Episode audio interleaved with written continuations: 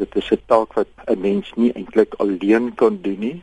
As jy dit alleen sou wou probeer doen, dan suig dit jou heeltemal in. Jy as mens begin dan ook agteruit gaan en jy kan op die ou end ook nie jou versorgingstaak uitvoer nie. En die mediese wetenskap erken dit as sulks en sê dat daar moet na die versorger ook omgesien word. Ek glo natuurlik dat die pasiënt is die eerste persoon wat ons op moet fokus. Dit dikwels word die pasiënt self verwaarloos of of eintlik nie gesien as 'n persoon wat nog in staat is om bepaalde goed te doen nie. En ek dink dit is verskriklik verkeerd. Mense is te geneig om 'n stigma identiteit te gee aan Alzheimer. Kom ons kyk 'n bietjie na die verloop van die siekte wanneer ja. jou vrou is in 2007 amptelik gediagnoseer. Ja. Nou ons is in 2013. Hoe het sake ja. verander oor die jare? Die moeilikste tyd is die tyd voor die diagnose.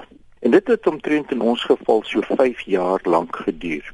Jy as eggenoot kom agter, daar is fout, maar jy kan nie jou vinger daarop lê nie. Dis klein goed dan begin jy deur die prosesse gaan. Daar is 'n uh, neuroloog, psigiater, sielkundige en dan kom die diagnose terug nee, maar dis net angstigheid. En dan word daar vir angstigheid behandeling gegee.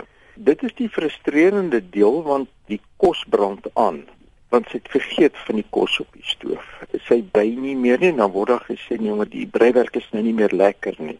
Die pasiënt is eintlik in die algemeen baie vernuftig. Hulle steek dit weg. Hulle besef daar's iets verkeerd en dan sal hulle met ander verskonings na vore kom. Sê die foon het gelei dis hoekom die kos aangebrand het. Of die tydskrif is nie meer dis net advertensies en dit is nie interessante artikels nie, maar in werklikheid is die pasiënt nie meer in staat om volledig te lees nie. Daar's 'n geval van 'n man wat gesê het ek ry nie meer met my motor nie want ek wil brandstof bespaar. Eintlik is hy bang hy verdwaal. Daar is 'n wêreldwye eenvoudige toetsie. Hulle noem dit in Engels die mini mental state examination. Dit sê dat sommer 'n kort evaluering van die persoon se geestes of gemoedstoestand. Werk op 'n 30 punt skaal en op hierdie skaal kan jy dan evaluerings doen op 'n persoon en dit vat 10 minute. En dit het jare gevat voordat iemand hierdie eenvoudige toetsie gedoen het en vir my kon sê, maar hier's my voorlopige diagnose van Alzheimer. Dan begin die eliminasieproses van ander verwante siektes en dan kom jy by kom ons sê 'n redelike finale evaluering. En die tragedie is jou finale evaluering kan jy eers met 'n postmortem doen. Wat was vir jou die aangrypendste toe die ding begin het? Wat was vir jou die heel heel ergste? Ek gaan 'n paar van Babette se sê goed vir jou lees. En dan gaan jy besef wat is die ergste. Sy sê Alzheimer is die kanker van die siel.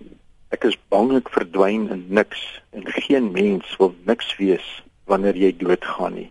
Ek is in my liggaam, maar die huis is leeg.